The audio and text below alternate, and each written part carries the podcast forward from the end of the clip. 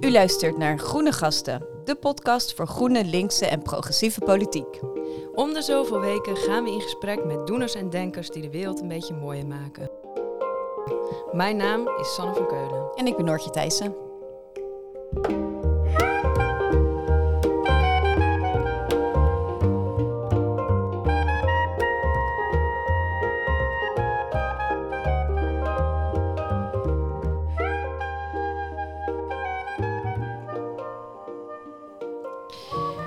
Leven nu met bijna 8 miljard mensen op de wereld. In 2050 stijgt dat naar verwachting naar 10 miljard mensen.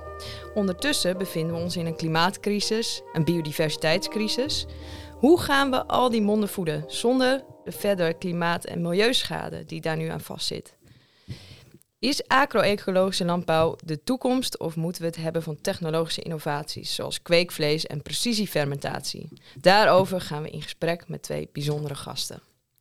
Wat heb jij eigenlijk met dit thema, Noortje? Ehm, nou, heel veel in die zin. Kijk, het gaat over eten, over voedsel. En als mensen. En je aan- houdt van eten. Eh, ja, als mensen aan mij vragen wat is je hobby, dan val ik altijd een beetje stil, want ik heb geen hobby's. Eh, maar eigenlijk is mijn hobby gewoon lekker eten en drinken. Eh, en het meest ontspannen vind ik om te koken. Eh, dus dat is eigenlijk het makkelijke, platte antwoord. Maar er zit natuurlijk ook een hele politieke dimensie eh, achter deze vraag. Eh, wat me heel erg fascineert is dat eigenlijk de identiteitspolitiek van dit moment ook heel erg samenhangt met voedsel. Om maar een, ja, een voorbeeld te noemen, de havermelk drinkende elite, dat is dan Ja. tegenwoordig GroenLinks. Nou, ik vind dat dus fascinerend dat zoiets ontstaat en iedereen daar een beeld bij heeft en ook meteen een mening. Dus nou ja, wat heb ik met dit thema? Ehm, op een heel klein niveau en groot niveau eh, fascineert het mij. Yes. En jij? Ja, ja nou, eh, ook eigenlijk heel veel. Eh, ik had vroeger ehm, een moeder. Ik ben opgegroeid in een klein stadje en mijn moeder kocht daar de plaatselijke natuurvoedingswinkel leeg. Ik denk dat die winkel bestond bij gratie van mijn moeder. Dus die was heel bewust al bezig met voeding. En dat vond ik als puber dan een beetje stom. Maar eigenlijk kopieer ik haar Hoezo vond je dat stom dan? Nou, het was zo geitenwolle sokken toen. Heel erg. En eh, ja, dat, als ik ook keek, keek wat ik dan in mijn broodtrommel had, dat hadden andere kinderen dan niet in hun broodtrommel. Wat zat er in jouw broodtrommel? Oh jeetje, nou ja, allemaal heel ehm, van het brood, van het hele dichte brood, weet je wel, waar je echt iemand mee eh, op zijn hoofd kon slaan. En eh, nou, ik had allemaal exotische groenten dan, zoals koolrabi en zo. Dat, dat hadden andere kinderen niet. Maar nu doe ik dus precies hetzelfde. En eh, ik ben ook op een gegeven moment in de coronacrisis niet meer mijn boodschappen gaan doen bij de Albert Heijn of bij een andere supermarkt. Dus ik doe alleen nog maar via de voedselcoöperatie, eh, waar biologisch dynamisch eh, eten en zo. Dus ik, ik ben er heel erg mee bezig. Ja. Ook lekker toch? Al dat soort verantwoorde dingen. Zee, nou, ik moet de analyse van mijn dochter later eh, misschien horen hierover. Maar ik vind van wel, Ja. zeker. Mooi. Nou, bij ons aan tafel zitten twee gasten die heel veel verstand hebben van deze thematiek. Wij zijn gewoon geïnteresseerde leken. Ehm, en vanuit een eigen invalshoek eh, gaan zij ons eh, van alles vertellen over hoe we eten eh, produceren en ook wat daar de gevolgen van zijn. En ook hoe dat in de toekomst eigenlijk allemaal beter zou kunnen. Allereerst Roos jij zit hier tegenover ons. Jij bent net klaar met je master en dat is een hele mond vol. Agriculture, Food Systems, Sustainability and Environment. Eh, maar je bent ook eh, activist. Je bent eh, actief bij Extinction Rebellion, bij de landbouwtak. En ik las in een interview dat jij graag boer zou willen worden, net als je ouders. Kun jij vertellen wat een moment was in jouw leven waarop je dacht, ja, ik wil gaan doen wat mijn ouders doen? Ja, ik heb eigenlijk vaker gedacht, ik wil niet doen wat mijn ouders doen. Ik kan niet zeggen van, oh, er was één specifiek moment. Maar ik ben natuurlijk ben opgegroeid op een biologisch dynamische boerderij. En dat was voor mij de omgeving die ik kende. Ehm, en dat was voor mij ook een heel erg vanzelfsprekende manier van voedselproductie. En het was ook pas in mijn tienerjaren dat ik echt realiseerde van... oh, wat wij, mijn ouders hier doen op de boerderij en hoe hier voedsel produceren... is absoluut niet hoe eh, op de grote schaal voedsel wordt geproduceerd. Dat is voor mij een soort moment dat ik dacht van...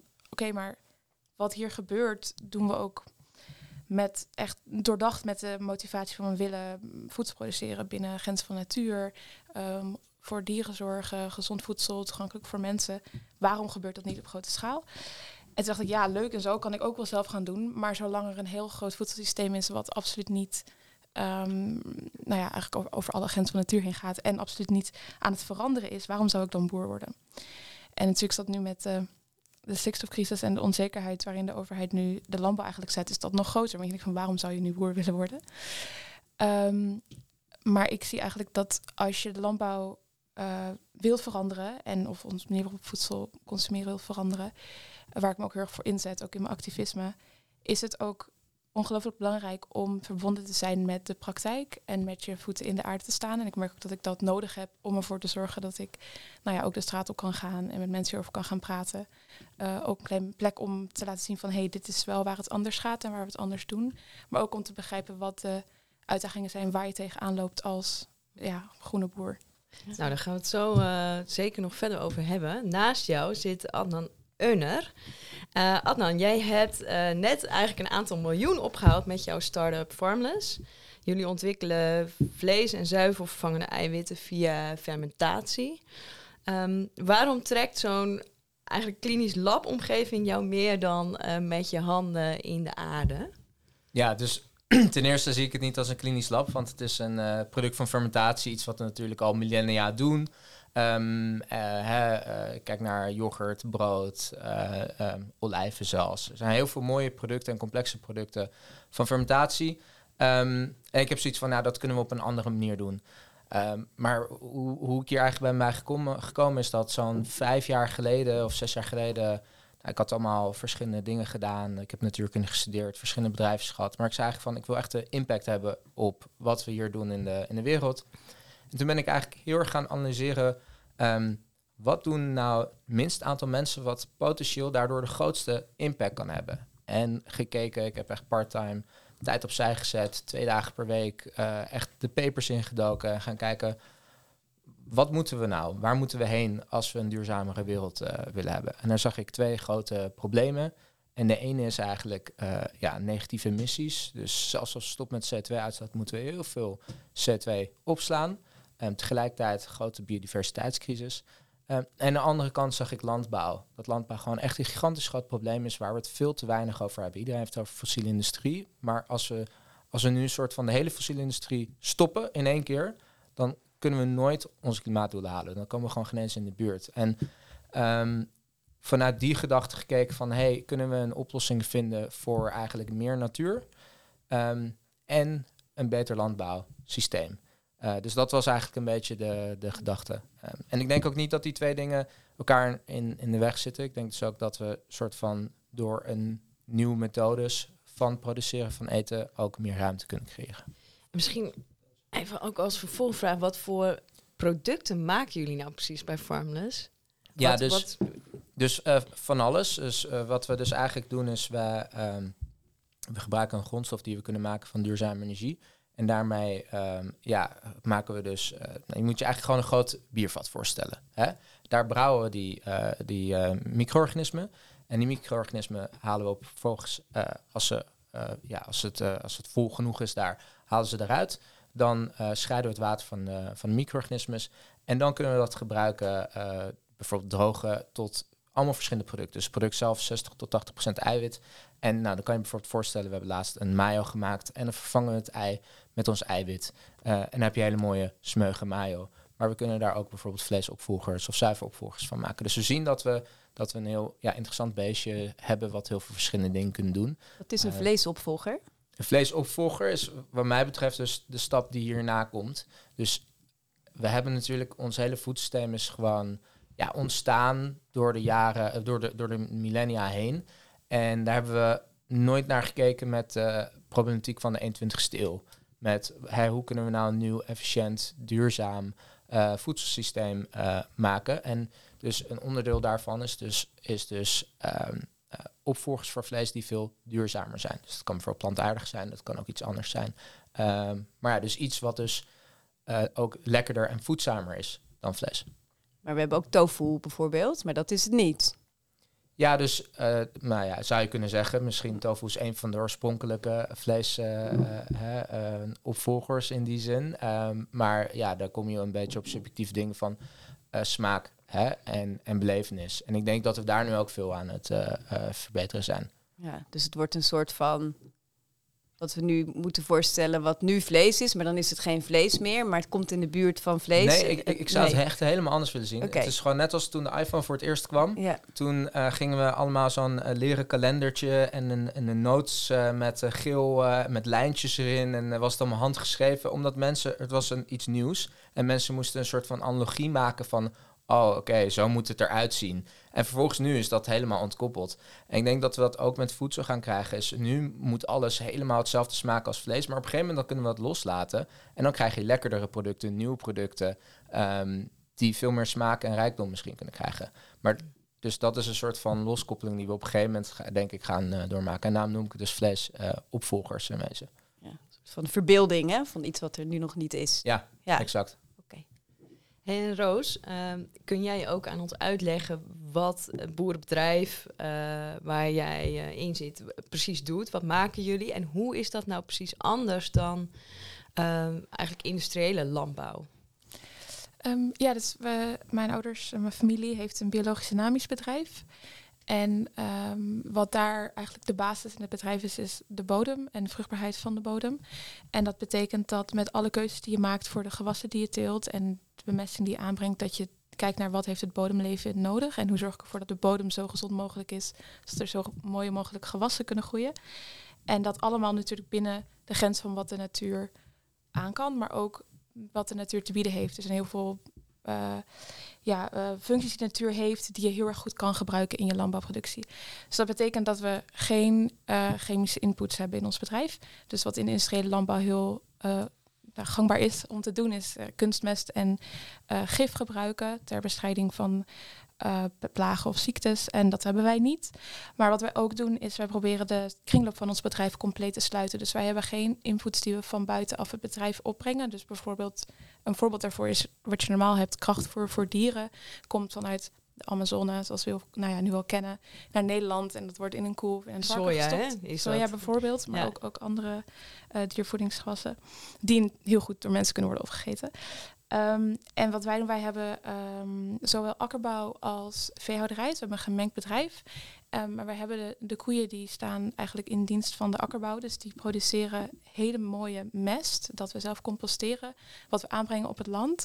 En daarmee die bodemvruchtbaarheid heel erg in stand houden. En tegelijkertijd eten de koeien eh grasklaver, wat wij produceren op het land, eten zij op. En die mest komt ook weer terug op het land. Ehm, en die grasklaver doet ook heel erg goede zaken voor de bodem. Die maakt, creëert een hele gezonde bodem. En die zorgt er ook voor dat de bodem kan rusten. Met hele 15 verschillende gewassen. Maar we doen dat in eh, heel eh, nou ja, extensief in de zin van ehm, we zorgen ervoor dat de bodem ook genoeg tijd heeft voor herstel. Zodat er niet alleen maar gewassen worden geteeld die heel veel energie vragen van de bodem. Ehm, maar daarnaast, we zitten heel dicht bij de stad, dus wij hebben ook eh, eigen afzet. We hebben een biologische markt elke week. We hebben een boerderijwinkel. Ehm, we doen ook heel veel verbinding op sociale vlak bij de- op onze boerderij. Dus er wonen ook mensen op onze boerderij. We hebben kinderopvang. We doen heel veel educatie. Er komen heel veel kinderen van basisscholen en middelbare scholen op de boerderij om te horen over hoe je groentes, hoe je een wortel teelt of hoe, hoe een koe eruit ziet. Ehm, en we zorgen ook welke zorg met mensen die een afstand hebben tot de arbeidsmarkt die bij ons op de boerderij komen werken. En op die manier is een boerderij ook veel meer dan alleen een plek voor voedselproductie. Maar de voedselproductie zorgt er eigenlijk voor dat er een heel groot sociaal netwerk kan ontstaan waar heel veel mensen op aan kunnen sluiten. Mooi. Mag ik eh, zo'n platte vraag stellen? Ehm, want jullie eh, verbouwen natuurlijk heel veel voedsel. Eh, hoe efficiënt is het? Zeg, hoeveel monden kunnen jullie op deze manier voeden per maand? Om, ja, het is moeilijk, misschien moeilijk om dat te kwantificeren, maar ik ben wel benieuwd van wat levert dat dan op? Ehm, ja, ik, weet niet, kan, ik kan niet zeggen, oh, dat zijn zoveel mensen. Ehm, maar we hebben in totaal 180 hectare aan akkerbouwgrond. En dan kan je voorstellen dat er bijvoorbeeld hè, per jaar 40, 40 hectares aan wortelen. En die wortelen die gaan ook naar, bijvoorbeeld naar Duitsland toe voor de babyvoeding. Dus het is niet alleen maar dat die eh, er zijn om zeg maar, de buren in de omgeving te voeden. Dat gaat wel om grotere hoeveelheden, ja. Ja. En als we kijken naar eh, onze voedselproductie en landbouw zoals die nu is, kunnen jullie iets zeggen over hoe dat zo gekomen is? En ehm, ja, eigenlijk, we staan nu op het punt van grote veranderingen. eh, maar hoe zijn we überhaupt hier beland met een systeem wat heel erg leunt op die industriële eh, landbouw? Ik, ik, ik, wat mij betreft is een soort van een van de grote problemen. ehm, dus het ligt er een beetje aan naar welk probleem kijk je. En wat mij betreft dus zijn er twee grote eh, problemen. Natuurlijk uiteraard wel meer, maar het ene is landgebruik en het andere is, is onze biodiversiteitscrisis. Ehm, en ik denk dat we over de jaren, dus op dit moment van alle gewervelde dieren, is, ehm, is 34% mens en 64, 62% veeteelt. En is er nog maar 4% wilde dieren gewerveld. Wereldwijd is dit. hè, Wereldwijd. Dit is gewoon helemaal wereldwijd. En dus, dus wat we over, over de lange tijd hebben gedaan, is dus dat we alle natuur en wilde dieren daarin hebben verdreven en hebben ingeruild voor landbouw. Ehm, maar ook primair voor dieren, dierlijke landbouw. Want op dit moment ehm, is dus, als je het puur hebt over, over land, van al het land wat we kunnen gebruiken, hè, alles wat bos, eh, eh, landbouw, et cetera zou kunnen zijn, is de helft ongeveer landbouw. En daarvan is driekwart bestemd voor. Veeteelt. Veeteelt. Ja. En dus, wat mij betreft, is dat het grootste probleem. Dat we gewoon. Eigenlijk is een correcte weerspiegeling van de wereld. De hele aardbol. En we zijn gewoon al het eten daaraan aan het voeren aan ons veeteelt. En tegelijkertijd dat aan een ruil aan doen voor alle biodiversiteit. Eh, en dus dat is volgens mij het fundamentele eh, probleem eh, daar. Ehm, en dat kan je uiteraard in een industrieel systeem doen of niet in een industrieel systeem. Maar dat is wel het fundamentele probleem, wat mij betreft in ieder geval.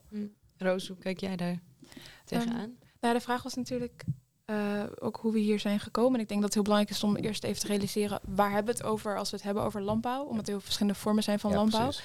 En als je kijkt naar eh, de industriële landbouw, het dominante voedselsysteem wereldwijd, is dat qua impact op natuur en op mens en op ons klimaat is gigantisch. Maar als je kijkt naar waar, wie produceren nou eigenlijk het meeste voedsel wat wordt gegeten op aarde, ehm, dan zie je dat eh, in de huidige voedselproductie 70% van de bevolking wordt gevoed door ehm, kleinschalige uh, agro-ecologische boeren. Um, en die gebruiken een landbouwareaal van ongeveer 25%. En daartegenover staat een industrie die nu 75% van alle beschikbare landbouwgrond op aarde gebruikt. En daar is een heel groot deel van voor het produceren van voedsel voor, voor dieren. Um, maar eigenlijk voedt dat industriële landbouwsysteem maar 30% van de mensen op aarde. En het is niet om te verheerlijken dat er heel veel kleinschalige boeren zijn die zich helemaal kapot werken en daarbij ook heel veel mensen voeden die niet, niet allemaal even gevarieerd eten. Maar het is wel om heel erg duidelijk te maken dat dat beeld dat we die industriële landbouw nodig hebben en dat die dominant is in het voedsel wat we consumeren, is, is niet zo. Maar die industriële landbouw is wel afhankelijk van het plaatje dat uh, ze noodzakelijk zijn voor het voeden van de wereld, voor het meest efficiënt manier van voedselproductie.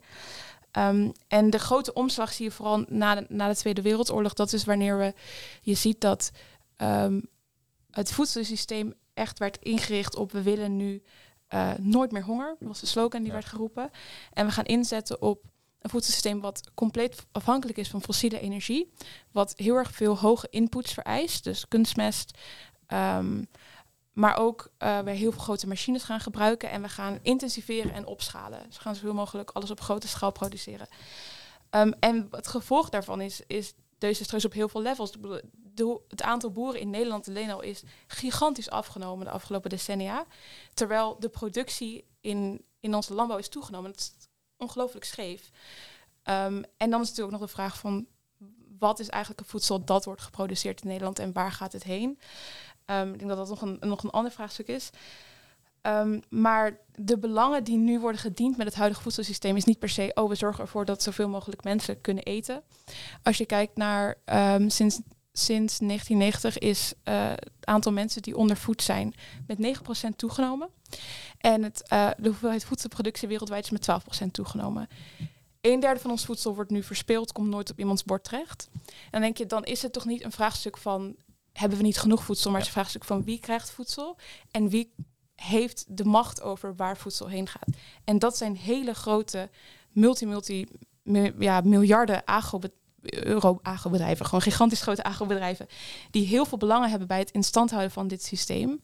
Omdat je wilt dat, um, om het even zo te zeggen, als ik uh, een wortel teel op mijn akker, een zaadje in de grond en uh, ik haal de wortel eruit en ik verkoop het, is daar niet heel erg veel winst aan te onttrekken. Maar als jij iets te zeggen hebt over het zaadje, dat verkoopt aan een andere boer. Die boer moet ook nog grond kopen of grond uh, pachten. Ehm, en dat, die wortel gaat dan vervolgens naar de verwerkingsfabriek, wordt verwerkt in een wortelpapje en dan verkocht in een supermarkt. Zitten er heel veel schakels tussen waar heel veel geld wordt onttrokken. En dus de vraag is, gaat het om voedselproductie of gaat het om het genereren van winst? En dat is het laatste. En dat is waarom we nu een soort van door zijn geslagen op overproductie, terwijl uh, nou ja, heel veel mensen nog steeds honger hebben en we de wereld naar de knoppen helpen.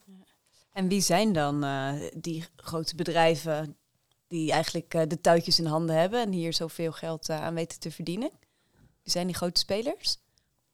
Er is een hele lange lijst, maar... Um, er een paar die we ook allemaal een beetje ja, kennen. Nou, kijk, ja. een, een heel groot bedrijf, een van de grootste producenten van, van gif en ook die ook heel veel in zaden zitten, is um, Bayer Monsanto.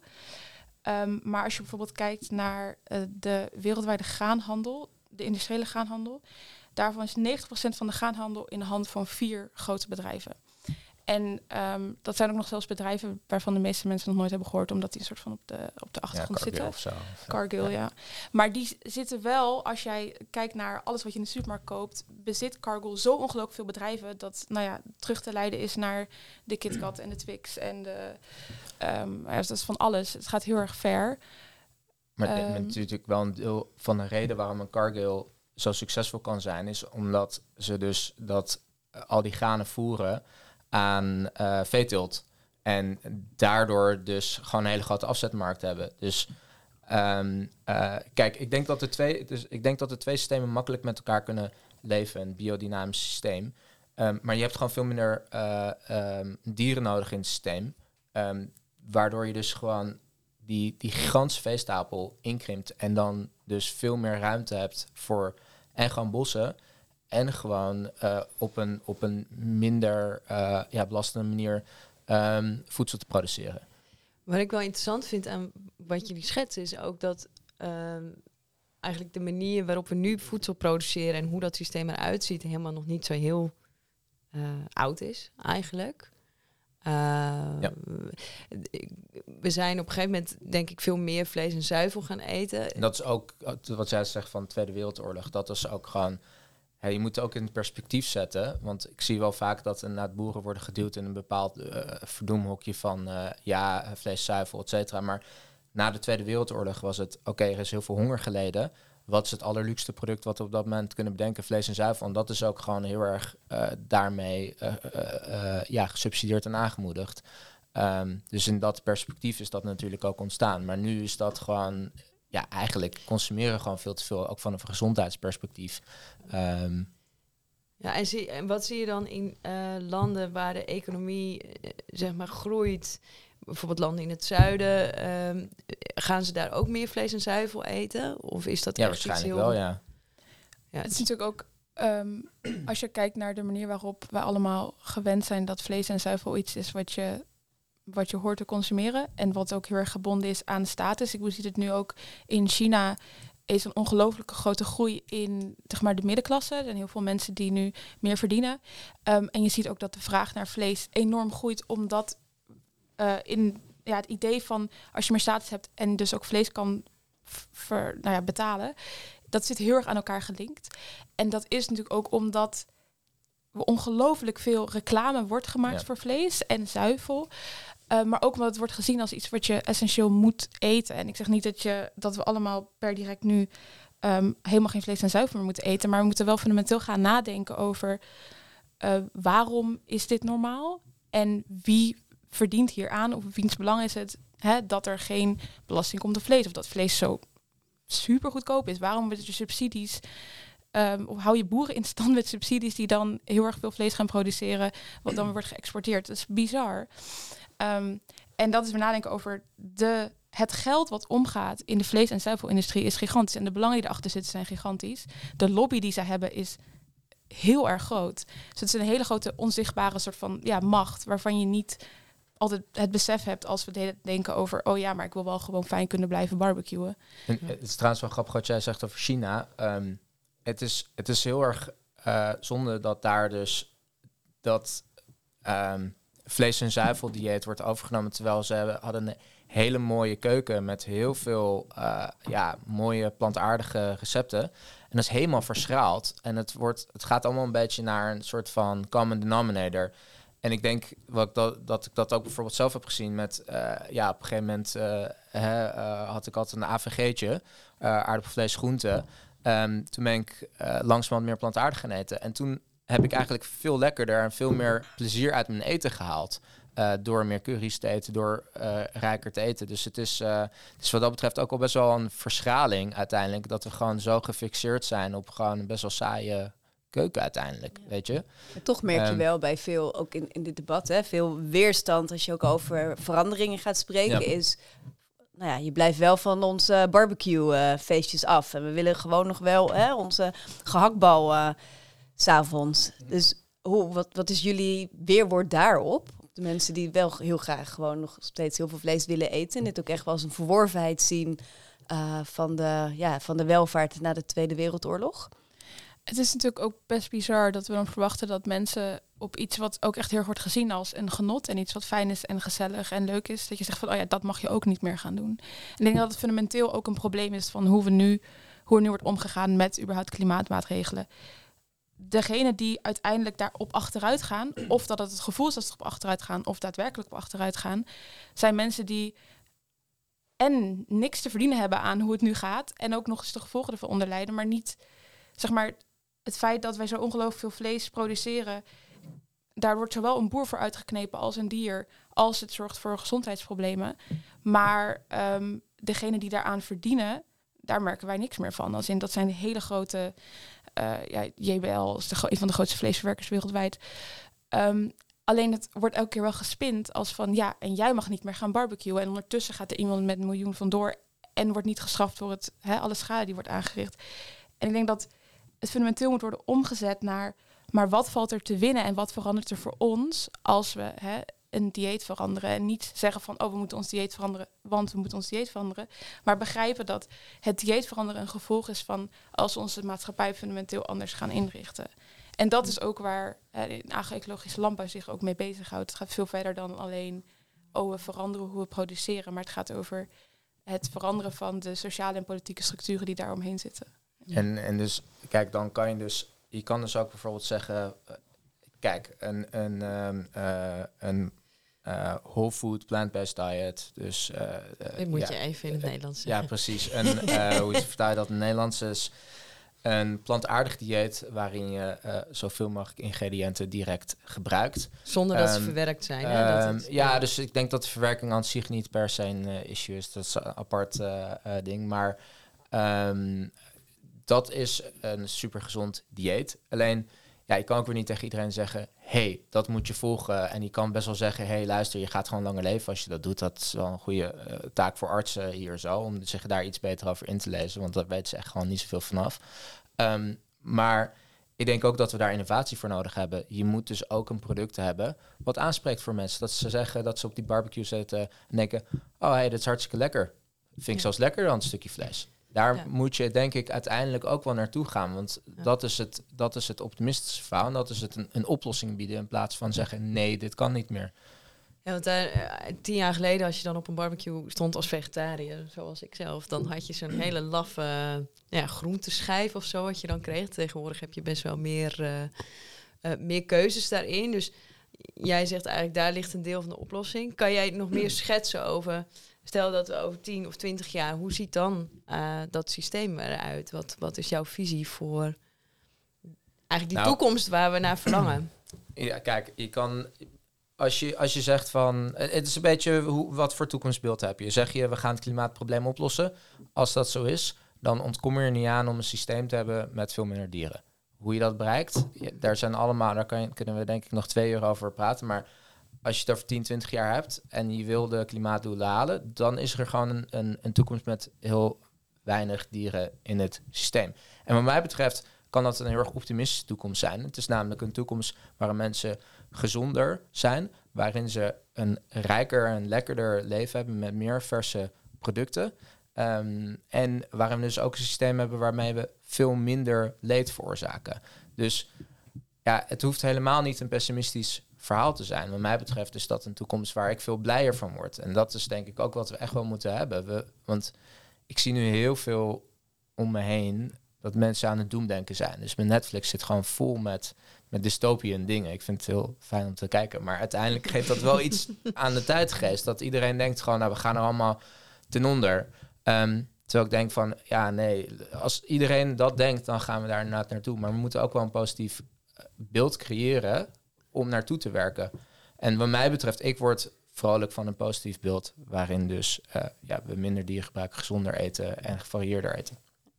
Roos, deel jij uh, dat optimisme en dan ook uh, de vraag aan jou hoe dat zich dan verhoudt tot die systemen waar jij het net over had. Kunnen we optimistisch zijn als er zulke machtige, grote grootmachten achter zitten? Of gaan we toch als klein duimpje zeg maar, de strijd aan en kunnen we winnen? Wat, wat is daar jouw, jouw perspectief op?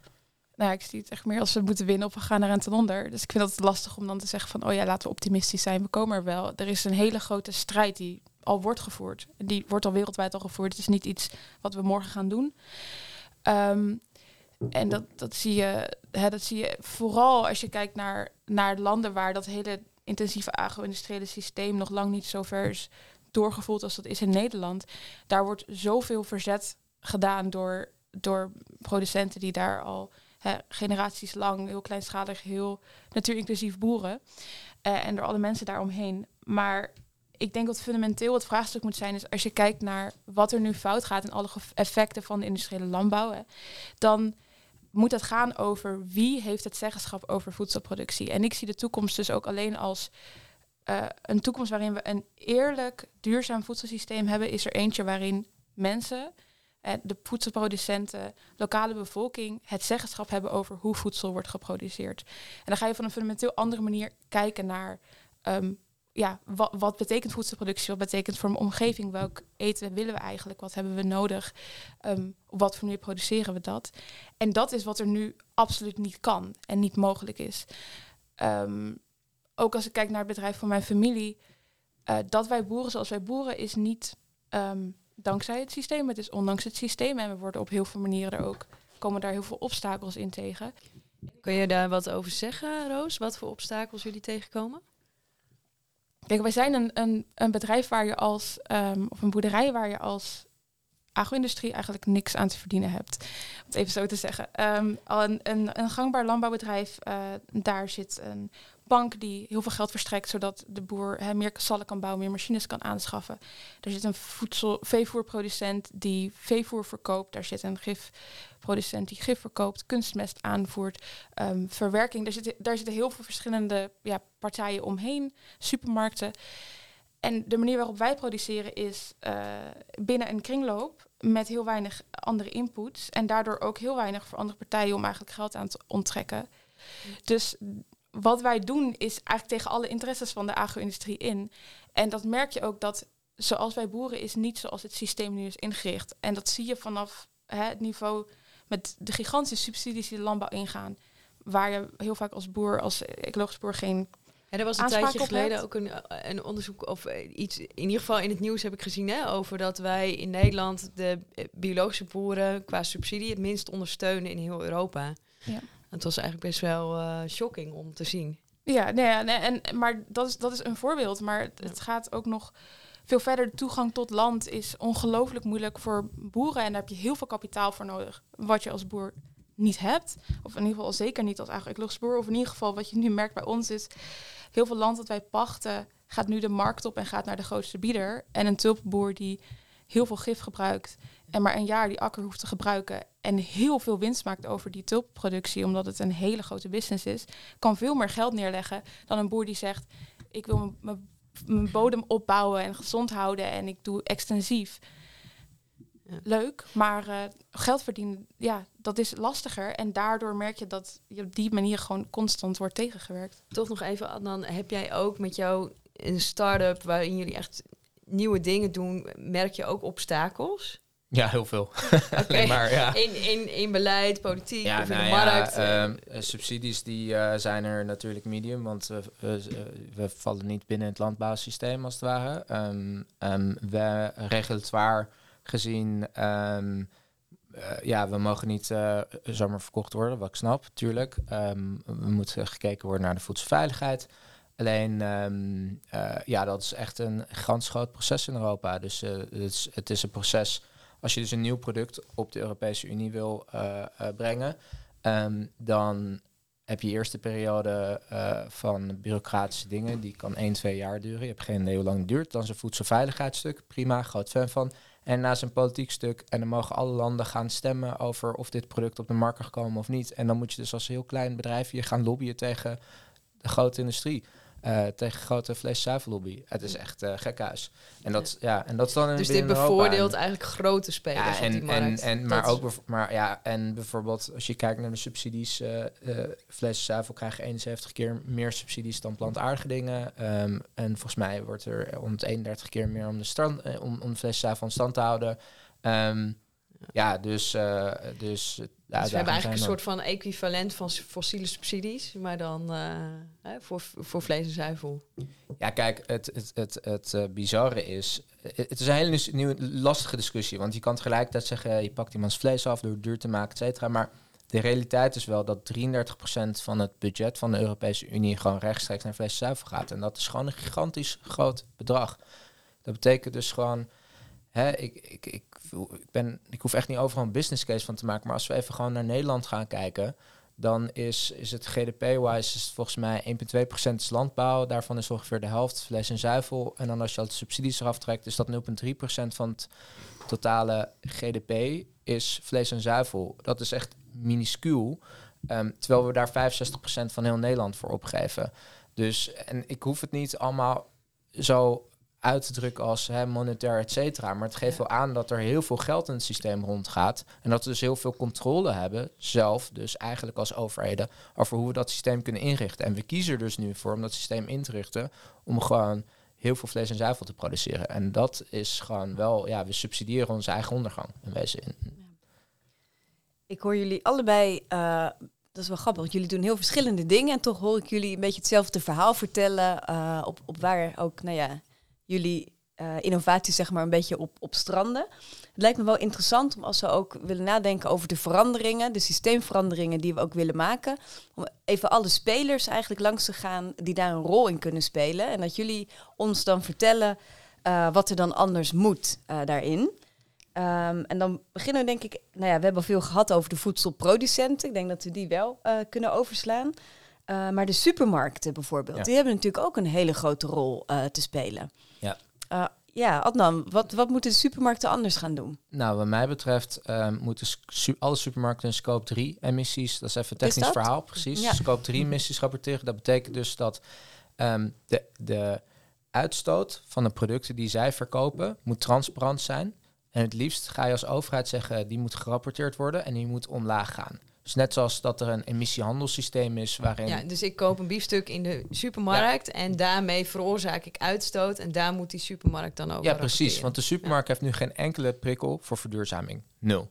En het is ook niet transparant. Hoeveel wordt er nou verkocht en wat is de uitstoot van het product en hoe kunnen we dat omlaag brengen? Dus wat mij betreft, iets wat de supermarkt kan doen is rapporteren hoeveel emissies ze hebben en maak targets over hoe je dat omlaag doet. En zeg dat niet over een soort van ja, de energie die de supermarkt gebruikt. Nee, zeg dat over de producten die je verkoopt. Roos, heb jij een aanvulling voor de supermarkten? Ja, ik vind het, ik moet zeggen, ik vind het altijd lastig om eh, te zeggen, oh, we willen systeemverandering. Laten we kijken naar alle hè, eh, spelers in, in het systeem zoals het nu is. Zonder fundamenteel te hebben over, oké, maar wat is die systeemverandering? En dan kunnen we het hebben over, hè, om klimaatdoelen te halen, zoveel minder mogelijk vee. Maar fundamenteel het transformeren van ons voedselsysteem betekent ook dat de exploitatie die inherent is in het industriële voedselsysteem verdwijnt. En dat je zegt, we moeten dus af van dit hele kapitaalintensieve kapitalistische industriële voedselsysteem. En dan denk ik dat je dan vragen, oh, wat kan een supermarkt daarin doen, is een beetje complex of eigenlijk raar om te Ja, zeggen. dat gaat uit van het systeem zoals het nu is. Ja. hè? ja. Maar die, die, eh, het- ik vind het interessant, die exploitatie waar je het dan over hebt, is ook een exploitatie van dieren uiteindelijk, toch? Een soort van, in die zin, ja. Ja, maar, zeker. Ja, Ja. Ja. ja. Nee, zeker. Dat, het, is, het is exploitatie van mens, dier, Ja. natuur. Ja. Maar wel met constant het doel groeien, groeien, groeien. En Geld kapitaal daaruit trekken. Dat is gewoon wat er gebeurt. En natuurlijk, daar hebben supermarkten een gigantisch grote rol in. De, de machtsconcentratie van supermarkten is heel erg groot. Dus aan de ene kant heb je het soort bottleneck. Aan de ene kant heb je heel veel producenten. En aan de andere kant heb je heel veel consumenten. En Ja. maar een paar supermarkten die eigenlijk bepalen hoe ziet het product eruit? Waar komt het liggen? Voor welke prijs? Wanneer wordt het aangeboden? Dat is bizar. En om dan naar zo'n speler te stappen en te zeggen hoe kunnen jullie veranderen, in plaats van af te vragen, moet er niet gewoon een ander soort regulatie of andere systemen van verkoop, andere systemen van handel komen? Ik denk dat dat een, een veel, veel fundamentelere stap is dan, nou ja, een soort Ik, van in, de, ik snap wel wat je, ik snap wat je. Ja. bedoelt, alleen het, het punt is gewoon, je moet op zoveel verschillende aspecten moet je het aanpakken. En bij de supermarkt is één daarvan dat je gewoon kan zeggen, zorg ervoor dat de supermarkt verduurzaamt. Zorg ervoor dat er een systeem is om dat te verduurzamen. Ehm, eh, ja, dus, dus volgens mij, je kan natuurlijk helemaal zeggen van het systeem moet veranderd worden, maar dat is heel complex en gaat lang duren. Dus je zal het meerdere parallele paden moeten doen. Dus je zal ook bij de supermarkt moeten kijken, hey, hoe kan die verduurzamen? Want als we nu alleen maar zeggen, oké, we gaan het hele systeem veranderen en dat faalt, dan, zijn we, dan hebben we gefaald. Dus volgens mij moeten we het probleem op alle verschillende mogelijke manieren aanpakken. Maar, met, maar ik zie zeg maar het soort van. Ja, in de kantlijn een soort van aantekeningen maken. Of een beetje eh, hier en daar achter de komma wat, wat erbij optellen of eraf halen. Zie ik als dan gaan we sowieso falen. En als wij niet inzetten voor fundamentele systeemverandering, dan ehm, is het eigenlijk een soort van hoe kunnen we. Nou ja, hè, groen kapitalisme. Hoe kunnen we dingen in een mooi eh, andere verpakking en dan ah, presenteren en zeggen: hier is iets nieuws. Dat gaat eh, fundamenteel. Met technologie op. Zeg maar, ik denk Ja. Ik wil wil ook even uit, uit de weg nemen dat agroecologie en, en technologie staan niet tegenover elkaar. Agroecologie en technologie kunnen heel goed Ja. samengaan. Maar het moet fundamenteel gaan over waar, waar dient die technologie toe en wie dient die technologie. En wat ik denk een gevaar is van eh, zeggen, oh, we gaan het hebben van technologische innovaties zonder het fundamenteel, fundamenteel te hebben over wie die technologi- technologische innovaties dienen. Zeg je eigenlijk, oh, we doen productie anders, maar de rest van het machtssysteem blijft staan. En om door niet te zeggen, oh, laten we eerst zeggen, hey, de voedselproducenten, de lokale bevolking, die hebben het zeggenschap over voedsel. Als die dan besluiten, het is noodzakelijk om, om verschillende redenen om deze technologische innovaties toe te passen, is dan een ander verhaal dan zeggen we willen een technologische innovatie, zodat we eigenlijk dat wat we al heel erg lang doen, opnieuw kunnen verpakken en, en, en door kunnen verkopen. En dat gebeurt al decennia lang. En dat is een, een, ja, iets wat ik zie Hoe- voor de hoe- toekomst. ik zie dat niet gebeuren decennia lang. Want een soort van, oké, Haber-Bosch was de laatste grote technologische innovatie, maar die is vooral gebruikt om een soort van meer veto te creëren, als het ware. Dus ik, ik, ik, denk gewoon dat, dat als we het, dat het is heel moeilijk om duidelijk te hebben hoe je het systeem verandert. En als we daar alleen maar op focussen, wat mij betreft lukt het anders niet. Dus wat mij, ik zeg, laten we die twee routes aanvliegen. Ja, dus jij zegt we moeten verbeteren binnen het systeem. Jij zegt we hebben eigenlijk een heel ander systeem nodig. Ik denk dat ook twee ja, Nee, ik denk dat we sowieso een nieuw systeem nodig hebben. Ja. Eh, Hoe kom je daar? eh, een soort Ja. van, je moet ook gewoon wel realistisch zijn en zeggen van, oké, leer van lessen van, van de fossiele energietransitie naar duurzaam. Hm. Hè?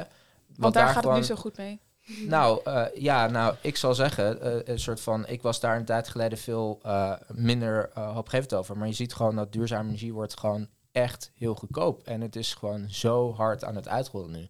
Dus Misschien om het toch even te houden bij de landbouw, want we gaan ook eh, Ja. eh, richting het einde van deze podcast. Ehm, hè, als jullie nu een belangrijke speler in dit hele verhaal is natuurlijk ook politiek en, en beleidsmakers, de overheid. Ehm, wat is eigenlijk hetgene eh, waarvan je zegt dat zouden zij echt nu moeten gaan doen? Ja, ehm, binnen in Europa is er meer macht dan binnen in Nederland om dit probleem op te lossen. Dus binnen in Europa moet je stoppen met, met de Die subsidies. subsidies. Ja. eh, in, ieder, ja, in ieder geval naar bepaalde stukken te duwen. 33% is gewoon te veel. Ja. En daarnaast moet je als Europa denk ik wel openstaan voor nieuwe innovaties. En ik ben het ook mee eens dat je soort van moet kijken naar hoe het systeem moet veranderd worden. Ehm, maar die subsidies is wel een, een groot probleem. En als we dan even naar het lokale niveau gaan, je hebt dan hè, over Ja. Europees niveau en eh, nou ja, jij bent ook veel bezig met jullie omgeving, Roos. Wat zou nou een lokaal bestuurder, een politicus of een, eh, een wethouder kunnen doen om het- voor jullie beter te maken? Nou, ik denk als eerste stap dat het wat heel vaak merkt in de politiek is dat ehm ecologische boeren tuinders heel vaak worden gebruikt als van, oh, dit is een leuk extraatje. Leuk groen, gezellig, allemaal naar de boer, uh, mooi bij je stad, goed voor je PR. Maar er wordt nooit fundamenteel gekeken naar, oké, dit zijn de voedselproducenten van de toekomst. Waar lopen zij tegenaan en hoe kunnen we ervoor zorgen dat dit wordt opgeschaald in plaats van een leuk extraatje blijft? En dat is echt het serieus nemen van het werk wat die boeren doen. En daarnaast kijken, oké, uh, er wordt, uh, je krijgt een landbouwdossier op je bordje als politicus. Um, wie, wie, wiens belangen dient dit? En dan klinkt dat weer heel abstract, maar als je gewoon kijkt naar um, voor mij is een heel groot voorbeeld. Vanochtend in het nieuws ging het over dat in Drentse A het natuurgebied uh, het drinkwater voor Groningen nu vervuild is met landbouwgif. En er stond in het artikel dat de maatregelen uit 2016, vrijwillige maatregelen, eigenlijk niet hebben geleid tot verandering. Maar we gaan met alle spelers die hierbij betrokken zijn in gesprek. Dat was soort dat stond. En denk ik, oké, je vraagt vrijwillige maatregelen van um, grote spelers een, hè, gifbedrijf, wat miljarden hier aan verdient, om misschien toch even iets anders te gaan doen. En dan behandel je zeg maar de boer, de producent en de mensen die water moeten drinken om te overleven op hetzelfde niveau. In plaats van denken, oké, maar wie zegt hier nou eigenlijk wat met welk doel? En waarom is hè, nou ja, het, het, uh, het kunnen produceren van gif en gebruiken in een natuurgebied staat dat hoger dan, dan wat mensen moeten drinken. Dus elke keer kritisch zijn op okay, wie dient dit? Waarom wordt dit aangevraagd? Wie zit hierachter? En strenger zijn dan ook, hè? Veel. En, ja, en normeren, ondervragen. Handhaven. Ja. ja. ja. logisch. En dan het nationale niveau. Stel, we hebben altijd uh, als uh, einde van de vraag... je wordt minister in een volgend kabinet. Nou, dat is een hele uh, actuele vraag op dit moment. We zijn midden in een kabinetsformatie. Adnan, jij wordt in het nieuwe kabinet... Um, word jij minister van Landbouw, Natuur en Visserij... Wat zijn de eerste drie maatregelen die jij dan gaat invoeren? Ik denk echt dat het een onmogelijke taak is. Omdat je dus, omdat je dus soort van uh, zoveel wordt beïnvloed vanaf de EU. Dat, ja, wat is de... Oké, ja, uh, de, de macht die je hier hebt is in ieder geval niet nog extra subsidies er bovenop te doen voor flessenzuivel. Dat zou ik in ieder geval zeggen. En je kan... En ik denk dat je ook wel... Een andere vraag die je wel kan afvragen moeten wij hier in Nederland de vreedschuur zijn van Europa? Weet je, moeten wij voor zoveel, moeten wij... Uh, Die export Ja, dus, dus even, even, even, even heel kort door de bocht wat er gebeurt is. Je hebt, um, je hebt um, kunstmest wat wordt gemaakt van fossiel aardgas. Um, dat uh, stoot CO2 uit, dat productieproces. Dan ga je vervolgens naar de Amazone, kap je daar uh, Amazone weg, plant je daar allemaal soja in. Ga je vervolgens geaccelereerd alle grondstoffen daar eruit trekken. Ga je die soja vervolgens importeren naar Nederland. Dat ga je als krachtvoer geven aan het uh, vlees en zuivel. En die poepen natuurlijk alles onder. Vandaar nou, die ennetjes die we van, vanaf die kunstmest hebben gehaald. Die komen dus stikstof, die komen dus overal terecht. En dan gaan we dat vervolgens exporteren. En dan is wel een beetje de kritische vraag: waarom moeten wij dat als Nederland doen? Waarom moeten we ons hele land daarvoor opgeven vanaf de hoeveelheid landgebruik? Eh, daar zou ik wel best wel kritisch over zijn, want dat vind ik gewoon niet zo. Dus als logisch. minister zou jij die, die veestapel, uh, nou ja, daar zou jij mee aan de slag gaan. Ja, het is uh, wel een eerlijk antwoord waar we gewoon al jarenlang als politiek omheen draaien. In de jaren negentig hebben we het al gezegd. En het geeft heel veel onzekerheid voor boeren ook als niemand een keer een eerlijk antwoord durft te geven van... hé hey jongens, waarom moeten we de vreedscheur zijn van Europa? Weet je? Je gaat voor duidelijkheid zorgen. Er moet wel duidelijkheid een keer komen. Hey, en Roos, aan jou dezelfde vraag. Uh, als jij uh, gevraagd zou worden als minister, wat zijn dan uh, jouw belangrijkste wapenfeiten die je meteen zou gaan doorvoeren? Ja, ik sluit me ook wel aan bij het idee dat het een onmogelijke taak is. Ik zie namelijk de macht van de politiek, vooral binnen de landbouw, ook echt niet liggen bij de minister. Eh, dat, hè, dat is ook gezegd, dat zit bij Europa en bij een hele grote lobby uh, die erachter zit. Um, ik zie verandering eerst ten eerste gewoon hè, op straat en op het land gebeuren. Um, en ik denk dat als je dan zegt uh, als minister naast stoppen met die export van, van uh, veevoer. En zulke soort maatregelen die gewoon heel direct ervoor zorgen dat die uitstoot en die vernietiging stop wordt gezet. Zie ik meer een taak om te gaan praten en te gaan luisteren naar wat er gebeurt op het platteland. En dan ja. is um, nou ja, er, er, is wat in veranderd. Maar wat je merkt in, in, de politiek, en waarom ik ook eerst zei van hè, een onzekerheid in een stikstofcrisis. Ons bedrijf produceert niet te veel stikstof. Dus op die manier hebben we geen onzekerheid. Maar wat je wel merkt, is dat er een politiek is die fundamenteel niet wil of kan begrijpen. Um, waar het hier om draait. En, dat, en een soort van weer dat gevoel van, oh ja, we doen weer een klein beetje in de kanttekeningen wat aanpassen en we gaan denderen gewoon door op de oude weg. Mm. Ehm, en daarin eh, niet begrijpen hoe dat systematisch die boeren in, in de klem worden gezet. En dat perspectief wat gewoon compleet ontbreekt. We hebben wel net een landbouwakkoord gehad, dus dan zou je zeggen eh, dat is mislukt. Hè? Maar dan is er, is er daar niet geluisterd naar het platteland, zoals jij net zegt? Of alleen naar een deel van het platteland? Uh, ik denk dat als je kijkt naar de afgelopen verkiezingsuitslag, is heel duidelijk dat, de, dat mensen het gevoel hebben dat ze niet gehoord worden. Um, maar het, het gaat denk ik ook heel erg om um, fundamenteel je afvragen hoe, hoe, wat, we wat we eerder ook noemden.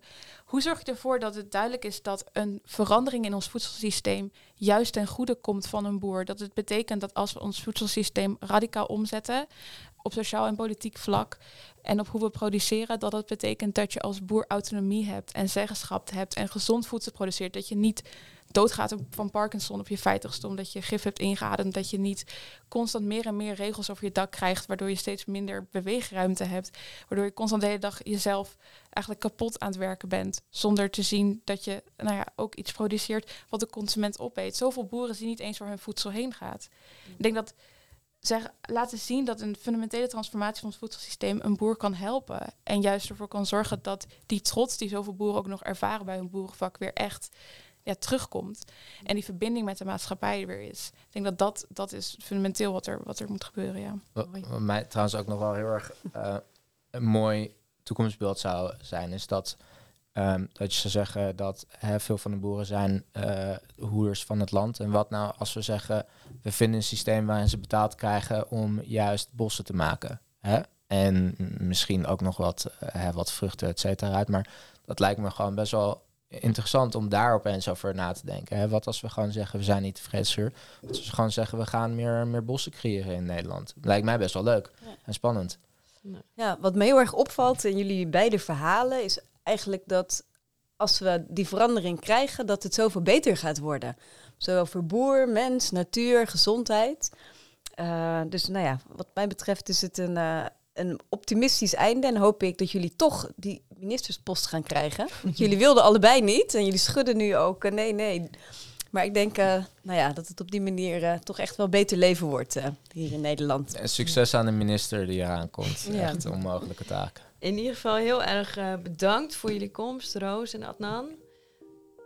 we gaan nog reclame maken, of niet? Jazeker, want voor alle luisteraars die voor 13 december luisteren...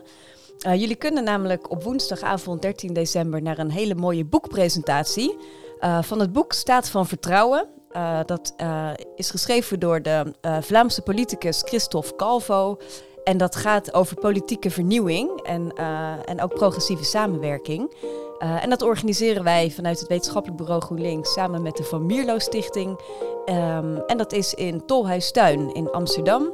Uh, tickets zijn gratis, maar je moet je wel even aanmelden via de website. Woensdagavond 13 december. Dus kom allemaal. En uh, voor nu bedankt luisteraars. Ja, tot de volgende.